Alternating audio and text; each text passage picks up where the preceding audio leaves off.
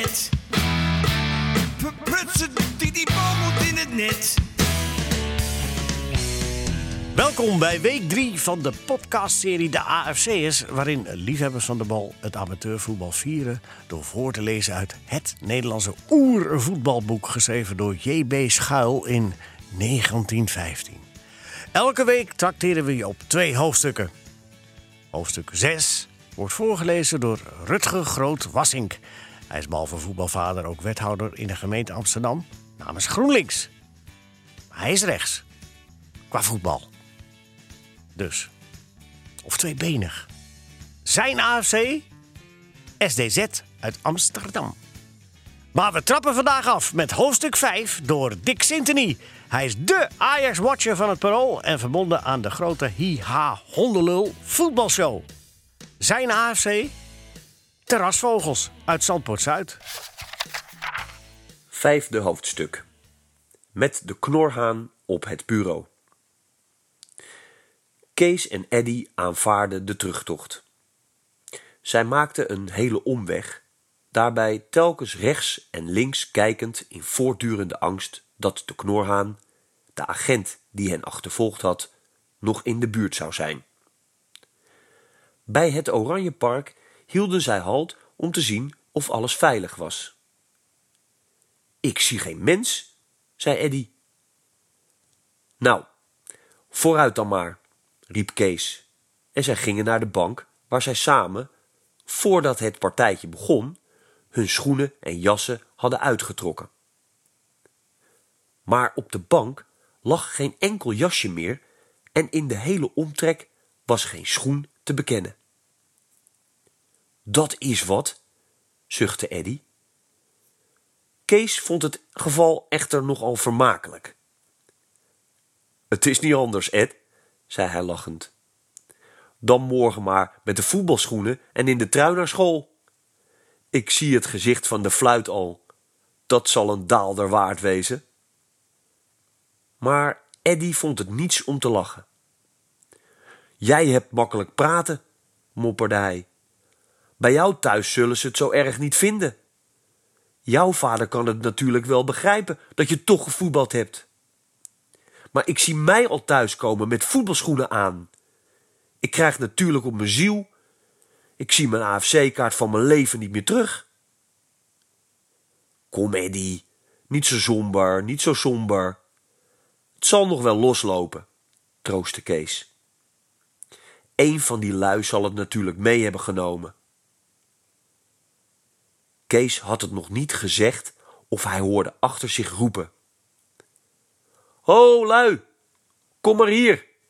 Wij hebben jullie spullen bij ons. Eddy en Kees keken om. Het waren de drie verloren AFC'ers, Piet, Tony en Hein. Piet en Tony stonden ieder met een jasje. Hein met een paar schoenen te zwaaien. Nou, wat heb ik je gezegd? riep Kees tegen Eddy, die er al vandoor was om zijn kledingstukken weer in ontvangst te nemen. Maar toen Eddy bij zijn vrienden kwam, zag hij tot zijn grote schrik dat zij maar één paar schoenen bij zich hadden. Dat zijn de mijne niet, zei hij erg teleurgesteld toen Tony ze hem toegooide. Nee, zei Kees, die zijn van mij. Andere schoenen stonden er niet, verzekerde Tony. De blijde glans uit Eddy's ogen was weer verdwenen. Weet je het zeker? vroeg hij. Ja, zeker, antwoordden de drie vrienden tegelijk. Eddy begreep er niets meer van. Zij hadden toch tegelijk, Kees en hij, op dezelfde plek hun schoenen uitgetrokken. Hij had ze hier, naast die van Kees, onder de bank gezet. Onder dezelfde bank waarop hij zijn jas had neergelegd. Toen, opeens, riep Kees verschrikt: Wel verdraaid! Ik ben mijn horloge kwijt! Eddy was op hetzelfde ogenblik al bezig al zijn zakken na te zoeken. Nee, maar die was goed. Het zijne was ook weg. Er was geen twijfel meer mogelijk. Dieven hadden de schoenen en de horloges meegenomen in de tijd dat zij in het schuttershuis waren geweest. Kees zocht voor de derde maal zijn zakken na. Nee hoor, verdwenen, zuchtte hij. Wie laat er nou ook zijn horloge in zijn zak zitten als hij spelen gaat? zei Hein van Drumt. Zo'n stommiteit kon de haak, die altijd even netjes was, zich niet voorstellen. Nee, jij zeker nooit, zo'n Jantje secuur, ketste Eddy terug. Het zal wel gestolen wezen, merkte Hein op, om maar iets te zeggen. Och kom, het is toch niet waar? Ik dacht dat ze er zo vanzelf maar uitgevlogen waren, antwoordde Kees, nog nijdig over Heins zure opmerking. Hein begreep dat hij het eerste kwartier maar niets meer tegen de twee vrienden moest zeggen. Kees en Eddy keken elkaar eens aan. Wat moeten we nou? vroeg Kees. Piet en Tony wisten het dadelijk.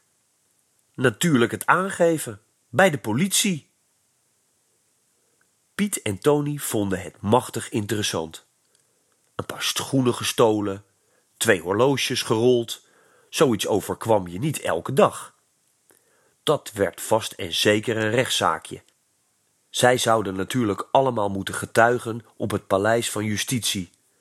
Een hele morgen, misschien s'morgens vrij, getuigengeld toe. Het was bijna te veel van het goede op één middag. Maar zij waren in hun hart toch erg blij dat de horloges van Kees en Eddy en niet van hen waren. Kom, vooruit. Laten we nou naar het politiebureau gaan, drong Piet nog eens aan.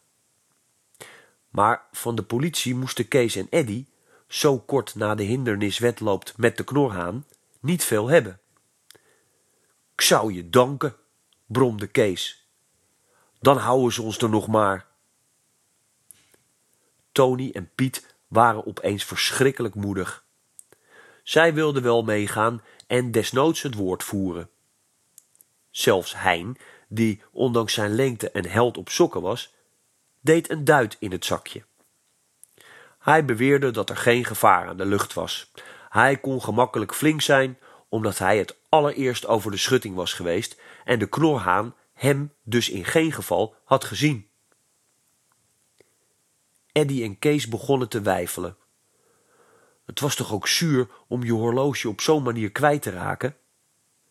Eddy had het pas vijf weken geleden gekregen.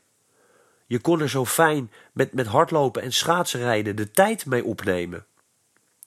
Het zou toch ook wel heel toevallig zijn als de knorhaan nu juist op het bureau was, terwijl hij hen pas tot aan de Wilhelminastraat had achterna gezeten. Ook Kees vond het een lam idee, dat een ander nu mooi weer met zijn klok, het was er nota bene een met een gouden randje, zou gaan spelen. Durf jij? vroeg Eddy. Ja, jij? Nou, vooruit dan maar. Met z'n vijven gingen ze op weg naar het politiebureau om aangifte te doen van de diefstal op het Mussenveld. Maar toen zij dicht bij het bureau waren, bleven Eddy en Kees plotseling staan. Zeg, gaan jullie even vooruit en kijken eens of de knorhaan er ook zit, zei Kees. Piet, Tony en Hein stapten door, gluurden nieuwsgierig naar binnen. Ze zagen alleen maar een inspecteur en twee agenten. Tony wenkte met zijn hand dat het veilig was. Maar op de stoep bleven Eddy en Kees weer tegelijk staan. Ga jij maar voor, zei Kees. Nee, ga jij maar eerst, antwoordde Eddy. Nee, na jou. Kees en Eddy waren afgrijselijk beleefd tegen elkaar. Ze wilden elkaar beide voor laten gaan, maar geen van tweeën scheen daarop gesteld te zijn. Kom, vooruit, schiet nu op. Tony lachte en hij gaf de twee bestolenen zo'n duw in hun rug dat ze tegelijk met een vaartje naar binnen stoven. Hey, hey, wat is dat daar? Kan wel een beetje kalmer, hè? klonk streng een stem uit het wachtkamertje. Kees en Eddy meenden duidelijk te horen dat het de knorhaan was en zij wilden er al vandoor toen de inspecteur verscheen en, nog steeds allesbehalve vriendelijk, vroeg: Wat moeten jullie? Nou, vooruit, zeg het nou, fluisterde Kees. Eddy tikte tegen zijn pet. We komen aangifte doen, meneer, van een diefstal. Mijn schoenen zijn gestolen in het Oranjepark. En mijn horloge ook. En mijn horloge ook, vulde Kees aan. Zo, dat is niet mis. Komen jullie dan maar binnen. Piet, Tony en Hein stonden met z'n drieën om het hoekje van de deur te kijken. Horen jullie er ook bij? vroeg de inspecteur. Piet deed een stap naar voren. Wij zijn getuigen, meneer, zei hij op een toon die aan deftigheid niets te wensen overliet. De inspecteur liet aangevers en getuigen binnenkomen. Met hun pet in de hand stonden de vijf jongens achter het hekje. Piet, Tony en Hein vonden het echt. Maar Kees en Eddy keken elkaar telkens aan en angstig naar de deur alsof zij elk ogenblik de knorhaan verwachten. Je kon het toch nooit weten? De inspecteur schreef alles op. Hun namen, hun leeftijd, waar ze geboren waren, waar ze woonden, enfin, van alles en nog wat. En daarna moest Eddy het verhaal doen. Maar toen Eddy gekomen was tot het moment waarop Hein zo'n rare trap tegen de bal had gegeven, hield hij plotseling verlegen op. Nou, en verder? vroeg de inspecteur. Verder, eh, uh, verder niks, stotterde Eddy. Ben jullie dus geen ogenblik van het veld geweest? Ja, zeker, naar Van Dijk, om een varkensblaas te kopen, antwoordde Kees vlug. En was er toen geen enkele jongen meer in het park? Ja, ik, zei getuige Hein. En verder de hele middag daar gespeeld? Geen ogenblik bij je kleren weg geweest? vroeg de inspecteur nog eens. De vijf jongens keken naar de grond, draaiden hun petten in de ronde. Nou, vooruit, hoor ik nog wat? drong de politieman aan. Goedemiddag, klonk ineens een grove basstem in de deur. Eddy en Kees keken op. De knorhaan! Het was of zij door de grond zouden zinken. Onwillekeurig deden zij een pasje naar links, zodat ze helemaal achter Piet en Hein stonden. Heb jij vanmiddag in het Oranjepark gesurveilleerd, Van Putten? vroeg de inspecteur aan de knorhaan. De agent knikte van ja. Er is vanmiddag gestolen. Zo, zo, bromde de knorhaan, maar plotseling zette hij zijn pet af deed een pas achteruit en zei: Wat bliksem nog toe! Jou heb ik meer gezien. En jou ook. Erdy werd bleek om zijn neus en Kees liet louter van ontroering zijn pet vallen. Zijn jullie niet die rekels van zo even? Ja, ja, nou, herken ik jullie. En daarna, zich tot de inspecteur wendend, ging de knorhaan door. Die qua jongens hebben vanmiddag de boel opgeschept in het Oranjepark. Ik snapte ze juist toen ze over de schutting kropen. Ik heb me een halve beroerte om die apen moeten lopen. Zo, zo. Is dat het geval? Dus toch niet de hele middag bij je kleren geweest, hè? zei de inspecteur. En hij keek de vijf AFC'ers aan of hij ze zo op wou eten. De bal was in de tuin gevallen, verdedigde Kees zich. De knorhaan zette zijn meest grimmige gezicht. En moesten jullie daarvoor allemaal over de schutting wezen, hè? vroeg hij dreigend. En de boel op stel te zetten in de schutterszaal. Ik weet er alles van. Jullie zijn nette jonge heren. Piet, Tony en Hein hadden geducht het land. Ze begrepen dat zij er gloeiend bij waren. In plaats van getuigen waren ze onverwachts beklaagden geworden. Zo, zo, zei de inspecteur, zit de vork zo in de steel. Ik moest jullie alle vijf maar hier houden. We zullen jullie leren met je kwajongens streken. Het werd Hein van Drumt groen en geel voor de ogen. Hij zag zichzelf al achter slot en grendel. En dat moest hij nou allemaal meemaken door die lamme horloges van Kees en Eddy. Het is goed. Ik weet er nou genoeg van. Jullie kunnen wel gaan, je zult er meer van horen. Achter elkaar schuifelden de vijf AFC'ers de wachtkamer uit, de gang door, de stoep af. Het duurde een hele tijd voordat een van hen iets zei. Eindelijk brak Hein los. Die beroerde horloges, ik wou dat ik nooit mee was gegaan. Maar Kees en Eddy gingen niet eens op dit onbillijke verwijt in. Ze hadden genoeg met zichzelf te stellen. Wat zou er nou met ons gebeuren? vroeg Piet. Hij zat blijkbaar erg in de penarie en vond de zaak absoluut niet meer interessant. Tony dacht dat er zeker een procesverbaal zou komen, en toen Hein dat hoorde, begon hij opeens als een kleine jongen te huilen. Maar het was weer Kees die de moed erin bracht. Ben je nou mal om zo te gaan grienen? zei hij. Zo'n vaart zal het niet lopen. Misschien een brief aan de oude lui, maar daarmee zal het uitwezen. Het was immers maar een aardigheid. Ja, maar als mijn vader het hoort, snikte Hein, en hij kon niet eens vertellen wat er dan wel zou gebeuren. Nou, dan zal hij je toch niet opeten, meende Kees, en hij voegde er heel wijsgerig aan toe. Jouw vader zal als jongen toch ook wel eens een bak hebben uitgehaald? We hebben toch niks vernield of gebroken? En wat we gemoerd hebben, hebben we eerlijk betaald. Maar Eddy dacht er minder luchtig over dan Kees. Die geschiedenis in de schutterszaal, och, ja, dat zou zijn vader hem wel vergeven. Misschien zou hij er zelfs wel om lachen. Maar het voetballen, dat was erger. En weer dacht Eddy, was ik maar niet naar de mussen gegaan. Piet stond voor zijn huis. Nou, bejour, zei hij op een toon alsof alles verloren was. Bejour, antwoordde Kees, en met een grafstem liet hij erop volgen. In de gevangenis zien we elkaar weer. Nu schoot zelfs Hein in de lach. Nee, Hein dacht het nu ook. Het zou zo'n vaart wel niet lopen. Alleen Eddy liep nog steeds met een bedrukt gezicht naast Kees. Hoe meer hij zijn huis naderde, hoe zwaarder zijn voetbaltrappers hem drukten.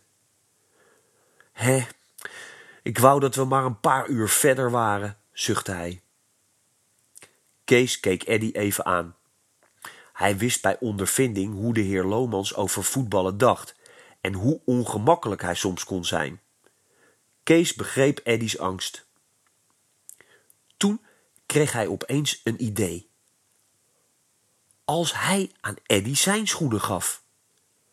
Bij hem thuis zouden ze misschien niet eens in de gaten krijgen. En als zij het merkte, maar wel nu, dan kon hij toch zeggen dat hij ze aan Eddy geleend had. Zeg, Ed, kerel, ik weet wat, zei hij. Trek ze uit, dan kun je de mijne krijgen. Eddy keek Kees dankbaar aan. Maar toen bedacht hij zich en zei: En jij dan? Oh, ik, bromde Kees onverschillig. Dat loopt wel los. En hij zat al op de leuning van de Wiltonbrug zijn schoenen uit te trekken. Eddy was in tweestrijd. Hij wist niet of hij het wel aan mocht nemen. Als je het niet doet, kom je helemaal nooit meer op AFC, drong Kees weer aan. Nog wijfelde Eddy. Vooruit, schiet nou op, lachte Kees. Ik kan toch ook niet op mijn kousen naar huis sjouwen? Eddy gaf zich gewonnen. Hij trok zijn voetbaltrappers uit, Kees schoenen aan. Nee maar, zeg, wat heb jij kleine voeten, kreunde Kees, en hij hinkte pinkte als een kreupel invalide over de Wiltonbrug. Ik ben blij dat ik daar niet mee hoef te kiepen. Eddy zat in Kees schoenen. Ze waren hem zo wijd dat hij ze bijna uit kon trappen. Er kan nog wel een ander bij in, lachte Eddy. Toen sjouwden ze verder, de twee trouwe kameraden. Thuis zou Eddy zijn zondagse laarzen aantrekken en morgen zou Kees zijn schoenen weer terug hebben. Hoe het dan verder zou gaan, ze wisten het niet. Maar voorlopig was Eddy uit de brand en dat was voor beiden de hoofdzaak. Mijn naam is Rutger Groot-Wassink, wethouder te Amsterdam. Zesde hoofdstuk. De palingjuffrouw van de Voldersgracht. Diezelfde avond om acht uur stond Kees al met de voetbalschoenen van Eddy onder zijn jas op de stoep van Huizen Lomans. Pas maar op dat meneer je niet in de gaten krijgt, zei Griet zodra ze Kees zag. Griet was blijkbaar van de hele zaak op de hoogte. Hebben ze niks gesnapt? vroeg Kees dadelijk. Nou, effectief, het is hommeles in de fabriek hoor, antwoordde Griet lachend. Maar toen Kees op Eddy's kamertje kwam, bleek hem onmiddellijk dat alles in orde was. Eddy vertelde hem vrolijk dat niemand er iets van gemerkt had, dat hij met Kees schoenen thuis was gekomen. Hij had wel erg in de penarie gezeten en zijn voeten de hele middag onder de tafel gehouden en hij had een benauwd ogenblikje doorgemaakt toen zijn vader hem had gevraagd hoe laat het was, maar het was toch alles prachtig afgelopen. Nu zat hij met zijn zondagse schoenen aan en Kees kon zijn turftrappers, zoals Eddy Kees Laarzen niet erg vlijend noemde, gerust weer meenemen. En hoe is het bij jou afgelopen? informeerde Eddy. Oh, ik was nog niet thuis of ze hadden het al in de smiezen, antwoordde Kees. Het is toch niet waar, zei Eddy ontsteld. Hij voelde zich opeens erg schuldig tegenover zijn vriend, die er door hem was ingevlogen. Maar Kees' lachende gezicht stelde hem alweer gerust. Ja, natuurlijk was ik erbij, lachte Kees. Ik liep zo mank als wat op die schoenen van jou. Ik was de deur nog niet in of ze vroegen me al, wat mankeert jou? Nou, toen moest ik het wel vertellen, hè. Maar het liep heel goed af, hoor. Ik mag alleen zondag niet uit. Nou, daar heb ik er best voor over. Zondag niet uit? Eddie wist niet wat hij hoorde. Kees zei het alsof het zo niets was, alsof het de meest gewone zaak van de wereld gold. En dan juist deze zondag, als een match was tussen Vitesse en AFC. Want dan mochten ze niet op het veld, ze zouden er natuurlijk toch vlakbij wezen. Als zij in een boom kropen in de Franse laan, dan kon je er altijd wel iets van zien. En dan zag je niets, je hoorde toch aan het gejoel en gebrul hoe de kansen stonden. Je leefde de wedstrijd tenminste mee. En na afloop kon je met de makkers over de match bomen. Kon je de jongens die voor Vitesse waren uitschelden als Vitesse gewonnen, hen honen als zij verloren hadden. En dat alles zou Kees nu moeten missen. Moeten missen door Eddy's schuld. Had je nu ooit een vriend gezien als Kees die maar deed alsof dat heel gewoon was? Ik vind het beroerd, Kees, zei Eddy na een poosje. Ik vind het verduveld lam. Ben je nou mal, zei Kees. Het is ook al wat. Jij zou het toch ook voor mij hebben gedaan? Als je jou gesnapt hadden, was het immers veel erger geweest. Nee, Eddie voelde het. Hij kon dat offer niet zomaar aannemen. Hij moest er iets aan doen. Zeg Kees, zei hij plotseling, ik ga met je mee naar huis. Ik zal aan je vader vragen of je zondag uit mag. Wel, nee, dat hoeft niet, stribbelde Kees tegen. Ja, waarachtig wel, zei Eddie. Ik wil niet dat je om mij zal thuisblijven. Dat doe ik niet. En tegelijkertijd stond hij op en ging naar beneden. Eddie vroeg aan zijn moeder of hij even met Kees mee mocht. Hij moest, wat de waarheid was, Kees nog even bij zijn thema helpen. Mevrouw Lomans had er niets op tegen en even later liepen de twee vrienden al op straat. Eddie had het gevoel dat hij goed werk ging verrichten. Op de hoek van de Jansweg kwamen zij Tony Hespers tegen. Tony was toevallig juist op weg naar Eddie om een meetkundeboek van hem te lenen. Loop maar mee op, dan kun je het mijne krijgen, zei Kees, en met z'n drieën gingen ze verder. Maar ze waren nog niet half weg toen Kees plotseling stilstond. Zeg lui, ik weet een fijne bak, zei hij. Wat dan? vroegen de andere twee makkers tegelijk. Voor een fijne bak waren ze altijd te vinden, vooral als hij uit de koker van Kees kwam. Wacht maar, dan zul je wel zien. Kees liep een honderd pas door, hield toen halt. Ik zal K. Mossel eens te pakken nemen, zei hij met een knipoogje en hij wees naar de juffrouw die blijkbaar naar de naam van K. Mossel luisterde. K. Mossel was een bekende figuur in de stad. Zij was een hele dikke visvrouw die overdag achter een kar met kabeljauw en schelvis waggelde en woensdags en zaterdagsavonds in een klein tentje op de Voldersgracht achter een tafeltje met paling, scharretjes en bokkingen zat. Ze zat er nu ook, als altijd, wijd uit, haar knieën hoog opgetrokken en haar grote voeten nog in grotere pantoffels op een verwarmde stoof. K. Mossel zat daar in al haar breedheid en tukte. Zij tukte meestal als er geen klanten kwamen. Dan schommelde haar hoofd langzaam op neer neer op. Soms, als zij heerlijk in de dommel was, zag je het hoofd van het hoogste punt opeens met een plof naar beneden duiken. En dan was er van K. Mossel een tijd lang bijna niets anders te zien dan haar grote witte muts. Maar na een poosje rees doorgaans de muts weer in de hoogte en verscheen opnieuw K. Mossels bolle rode gezicht in al zijn glorie en begon het weer te wiegelen. Op, neer, neer, op. K. Mossel was al wat vaak door de jongens in de maling genomen. Het was altijd de gewone, gewone aardigheid van hen. Om K, als zij hem juist zo lekker te pakken had, met een veertje onder de neus te kietelen. En terwijl de jongens kriebelden, zag je juffrouw Mossels dikke hand langzaam van onder haar schort verrijzen, langs haar mopsneus wrijven en weer in haar schoot verdwijnen. Soms, als het veertje haar neushaartjes al te sterk kietelde, schoot de hand onverwachts en vlug naar boven en sloeg K zich, in haar zucht om die weerlichtse vlieg te verdrijven, met zo'n kracht tegen haar neus dat ze wakker van werd. En er kwam er weer zo'n stortvloed van scheldwoorden over de jongens los, dat een wachtmeester van de cavalerie aan die voorraad wel voor twee weken genoeg zou hebben gehad. Maar nog nooit was K zo razend geweest als toen Eddy eens met de staart van een van haar eigen bokkingen langs de snorhaartjes onder haar neus had gevreven. Toen had ze haar ganse vocabulaire van vloeken en scheldwoorden van voren naar achter en van achter naar voren opgezegd. Tony en Eddy begrepen niet dadelijk wat Kees met Kaatje Mossel voor had. Wat wil je gaan doen? vroeg Eddy daarom nog eens. Dat zul je wel zien, lachte Kees. Kom maar mee. En hij bracht de twee vrienden achter het bekende paling- en bokkingtentje. Snap je het nou nog niet? vroeg hij. Ik zal haar eens flink in de kuiten knijpen. Eddy en Tony lachten. Sst, zuster Kees. En hij zat al op haar, op zijn hurken achter het tentje. Tillen jullie het zeil even op, commandeerde hij. Eddy en Tony lagen op hun knieën en deed wat Kees bevolen had. Slaapt zij nog? vroeg Eddy bijna onhoorbaar. Kees kroop onder het zeil door, raakte met zijn hoofd bijna aan de wollen rok van juffrouw Mossel. Hij richtte zich wat op, keek juist in Kaas bolle facie. Zij zat daar zo rustig, zo niets kwaads vermoeiend, de dikke palingjuffrouw. Het hoofd wiegde op en neer, neer en op, en Kees hoorde haar duidelijk snurken. Heel voorzichtig tilde hij haar rokken een weinig op, krieuwelde zachtjes langs de mollige enkel van haar linkervoet. Langzaam schoof Kaas rechtervoet naar de linker, wreef over de enkel. Ze maft als een os, giechelde Kees. Maar opeens kroop hij vlug achteruit toen Kaatje hoorbaar zuchtte en de witte muts met een ruk naar boven wipte. Is ze wakker? vroegen Eddy en Tony verschrikt. Ik geloof het wel, fluisterde Kees. Eddy stak voorzichtig zijn hoofd onder het zeil door, spiedde naar binnen.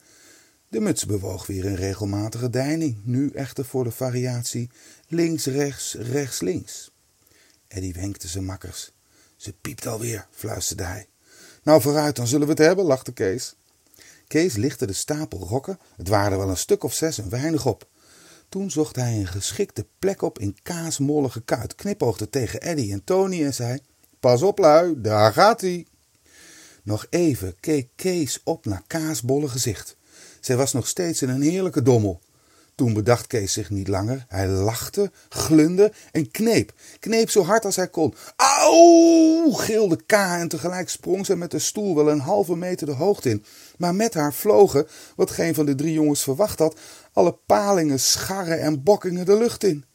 K was met haar knieën tegen de tafel aangebonst. Ze plofte op haar stoel terug. Kraak, zei een poot en daar zakte K pal naar beneden. Zij trachtte nog te grijpen wat ze grijpen kon, kreeg het zeil van haar tafeltje te pakken. Daar gleden alle scharren, bokkingen en palingen mee en ze vielen in de brede, gastvrije schoot van hun bezitster. Kees was na de noodlottige kneep vlug achteruit gekrabbeld en wilde juist onder het zeil doorkruipen toen K. Mossel viel. Poem! Kees voelde de corpulente visvrouw met een bons op zijn benen ploffen. Keesjes toestand was uiterst kritiek. Met zijn hoofd en zijn romp was hij al buiten het palingtentje, maar zijn andere helft lag verankerd binnen. Als een zoutzak rustte het dikke lichaam van K. Mossel op zijn benen en hoe hij ook wrikte en wrong, hij kon zich onmogelijk loswerken.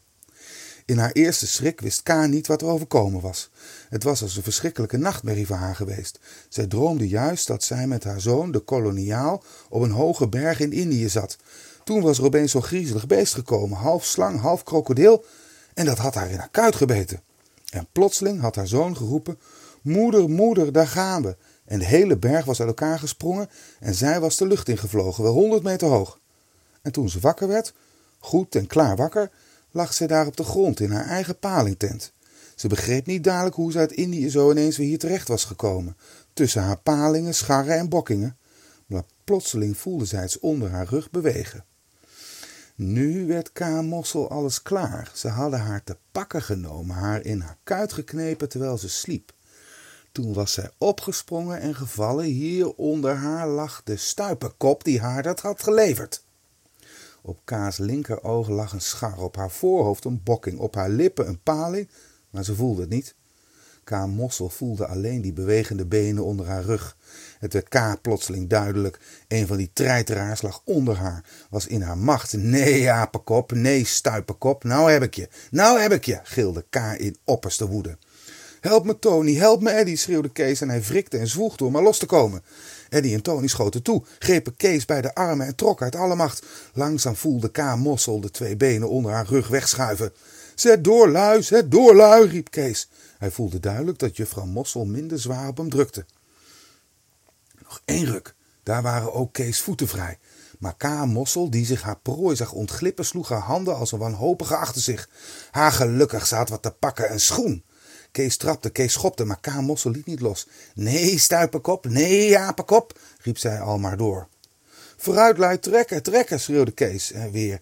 En de eigenaardige wetkamp begon opnieuw. Het werd nu gewoon een partijtje touwtrekken met Kees lichaam als kabel tussen juffrouw Mossel aan de ene en Eddie en Tony aan de andere kant. Kees was een ogenblik bang dat zij hem uit elkaar zouden trekken, maar hij voelde duidelijk dat hij de goede richting uitging. K. Mossel lag met haar hoofd tegen de schraag van haar tent. Ze begreep dat als de jongens haar nog verder trokken, de schraag zou vallen en haar hele tent naar beneden zou komen. Bij het sombere vooruitzicht gaf zij het op en liet los. Keesje Brummer was gered. Hij sprong op en met Tony en Eddie rende hij weg zo hard als hij maar lopen kon. Achter hen hoorde zij K nog gillen. Stuipenkoppen! Apenkoppen! Maar ze lette er nauwelijks op. Zij holde door om maar zo ver mogelijk uit de buurt te komen. Het was alles zo vlug in zijn werk gegaan dat geen mens K had kunnen helpen. De jongens begrepen echter dat de toestand nu voor hen gevaarlijk werd. Eerst bij Kees huis stonden zij stil. Hè, zuchtte Kees voor de tweede maal die dag. Ik kan niet meer, ik ben doodop. Dat scheelde ook geen haarlui. Wat had ik het daar benauwd onder dat zeil? Ik lag met mijn neus op een hoop scharretjes. En ze proesten het alle drie tegelijkertijd uit. Waar is je pet? vroeg Eddie na een ogenblik. Kees tastte naar zijn hoofd. Nu pas merkte hij dat hij zijn hoofddeksel kwijt was. Dat is me ook wat, zei Kees. Die heeft K natuurlijk in de wacht gesleept. Oh, het was een spliksplinter nieuwe, vandaag voor het eerst op. Nou, dat is vrolijk. Vanmiddag mijn horloge kwijt en nu mijn pet. Denk dat ze thuis wel niet erg vriendelijk zullen kijken. Eddie bedacht zich geen moment. Kees had hem vanmiddag geholpen, nu moest hij het Kees doen. Ze hadden precies hetzelfde model van pet. De zijne was ook nieuw. Misschien zouden ze bij de familie Brummer dus niets van merken. Hier, Kees, zei Eddie, neem mijn pet. Maar Kees wou daar niets van weten. Ben je betoeterd, zei hij. Hou jij je pet maar hoor. Ik ben er immers toch al bij. Eddie bleef echter aandringen. Hij wilde niet dat alle vriendschap van één kant kwam en hij stelde nu zelf een soort eer in dat hij zich ook eens voor Kees kon opofferen.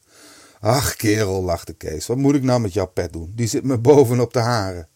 Eddie probeerde het. Helaas, ja, het was waar. Zijn pet lag te balanceren op het dikke hoofd van Kees. Je kon het ding er zo afblazen. Nee, dat gaat niet, zuchtte Eddie. Die begon te begrijpen dat hij hier niet helpen kon. Zeg lui, vroeg Kees na een ogenblik. Zou K haar scharren en palingen nog kunnen gebruiken? Ze lagen allemaal op de grond. Kees begon vroeging te krijgen over wat hij had gedaan.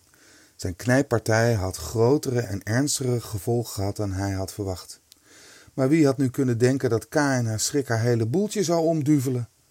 Zouden al die palingen, al die bokkingen en scharretjes nu naar de maan wezen? Dan had hij toch heel wat op zijn geweten. En Kees keek opeens zeer ernstig. Zo had hij het niet bedoeld. Wat denken jullie ervan? vroeg hij nog eens. Hij had wat opmontering nodig. Ach, wel ja, zei Tony, als Kazen met een lapje schoon wrijft, merkt geen sterveling er wat van. Maar Kees was niet overtuigd. Hij moest er zekerheid van hebben. Zijn grote eerlijkheid zei hem dat K in geen geval schade onder mocht lijden. Een arme weduwe met vijf, zes kinderen. Kees werd bijna sentimenteel toen hij erover nadacht. Wat kon hij eraan doen? Naar K. Mossel teruggaan en dan vragen of zij de bokkingen en palingen nog kon gebruiken? Kees dacht er niet aan. Ze zou hem de ogen uitkrabben als hij ermee aankwam. Maar hij kon het toch ook niet zo op zijn beloop laten? Kees zat er werkelijk mee. Hoeveel zou dat hele zaakje kosten? vroeg hij een beetje benauwd. Wat bedoel je? vroeg Tony. Wel, al die palingen en bokkingen, antwoordde Kees. Een gulden of zes, dacht Eddy. Kun je begrijpen? Eén paling kost al meer dan een gulden. Twintig pop, denk ik, zei Tony, in wie blijkbaar een goede handelsman stak. Kees schrok van het getal. Twintig gulden. Dat was per persoon zes gulden, zes repetent.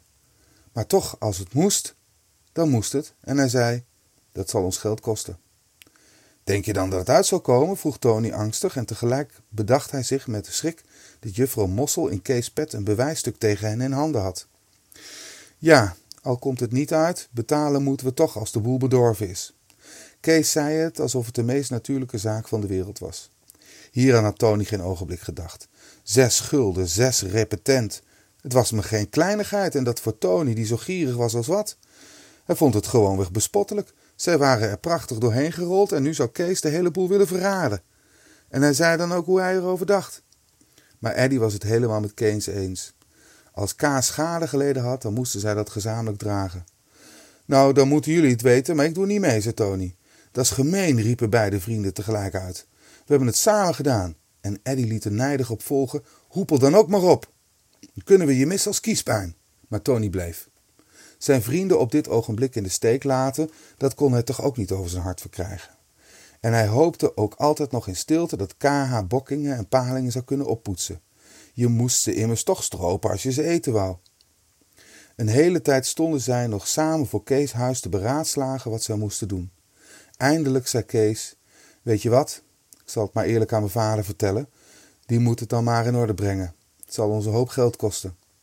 Ook Eddie leek dit de beste oplossing, omdat de oude brummer van de drie vaders het gemakkelijkste was. Tony echter was stom verbaasd. Zoiets had hij in zijn leven nog nooit gehoord. Dat je uit jezelf. Tony kon dat niet begrijpen, maar hij wist ook niet hoe vertrouwelijk en open Kees tegen zijn vader was. Hij had razende spijt dat hij met Kees en Eddie mee was gegaan, want hij begon te begrijpen dat hij er niet meer vanaf zou komen voor voorgoed met de twee vrienden te breken. En dat wilde hij niet, zelfs niet voor zes schulden, zes repetent. Nou, dan ga ik maar, zuchtte Kees. Dat is mijn duur dagje geweest. Een horloge, een nieuwe pet en een soortje palingen en scharren. Eddie besloot op hetzelfde ogenblik om maar niet mee naar binnen te gaan. Nog bij meneer Brummer aankomen om gratie voor Kees te vragen? Nee, Eddie begreep het. Dat was een beetje te veel van diens goedtierendheid gevraagd. Hij nam afscheid van Tony en Kees en sukkelde op zijn eentje naar huis terug. En toen hij daar zo liep, helemaal alleen langs die donkere gracht, overdacht hij wat er al zo die dag was gebeurd. Het rapport met de drie vijven, de friendly game met de mussen, het concert in de schutterszaal, het verlies van een horloge en een paar schoenen, de ruïne in K. Mossels palingtentje. Het was een zonderregister waar een hele klas voor een week genoeg aan zou hebben gehad. En van dit alles waren zij alleen nog maar de drie vijven bij zijn vader bekend. Nee, het was Eddie nu duidelijk en klaar. Hij zou bij de match op zondag tussen Vitesse en AFC zelfs niet tegen de ruggen van het publiek mogen kijken.